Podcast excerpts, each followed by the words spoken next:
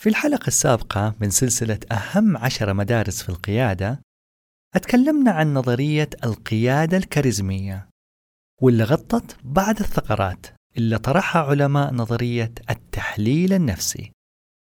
واليوم راح نتكلم عن المدرسة الخامسة في القيادة وهي النظرية السلوكية Behavioral Theory.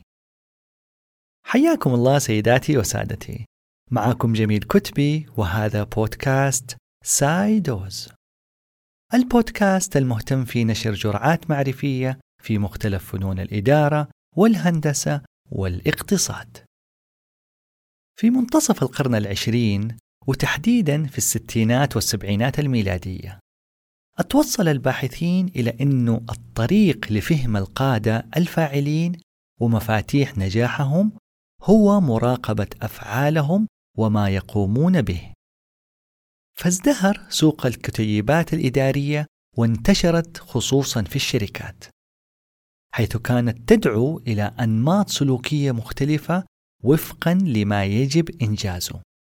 وكان أحد أشهر الأساليب هو الشبكة الإدارية Managerial Grid اللي ابتكرها روبرت بليك وجين موتون ففي هذا النموذج يسجل أحد المحاور الاهتمام بالموظفين والمحور الآخر الاهتمام بالمهام.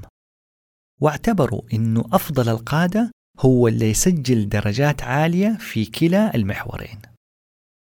وفي أيضا مفهوم سلوكي آخر وهو نظرية X ونظرية Y.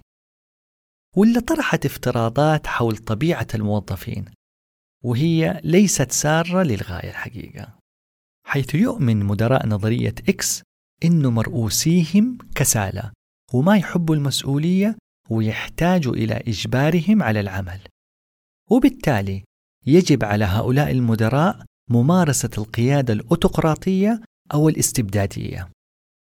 في الجهة الأخرى، يؤمن مدراء نظرية Y بنظرة أكثر سخاء إلى موظفيهم وعمالهم، لأنهم يعتقدوا أن لديهم القدرة على العمل الجاد والإبداع وتحمل المسؤولية.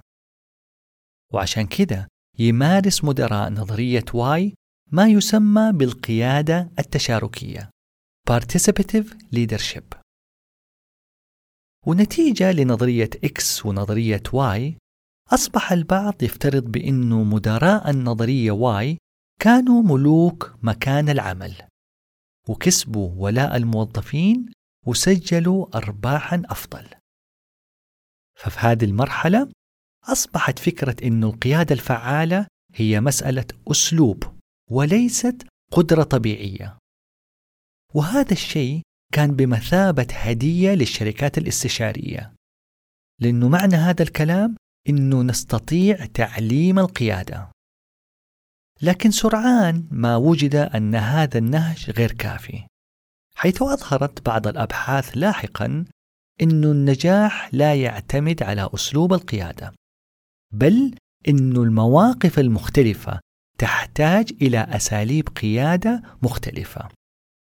وهنا ظهرت النظرية الموقفية اللي راح نتكلم فيها بحول الله في الحلقة القادمة.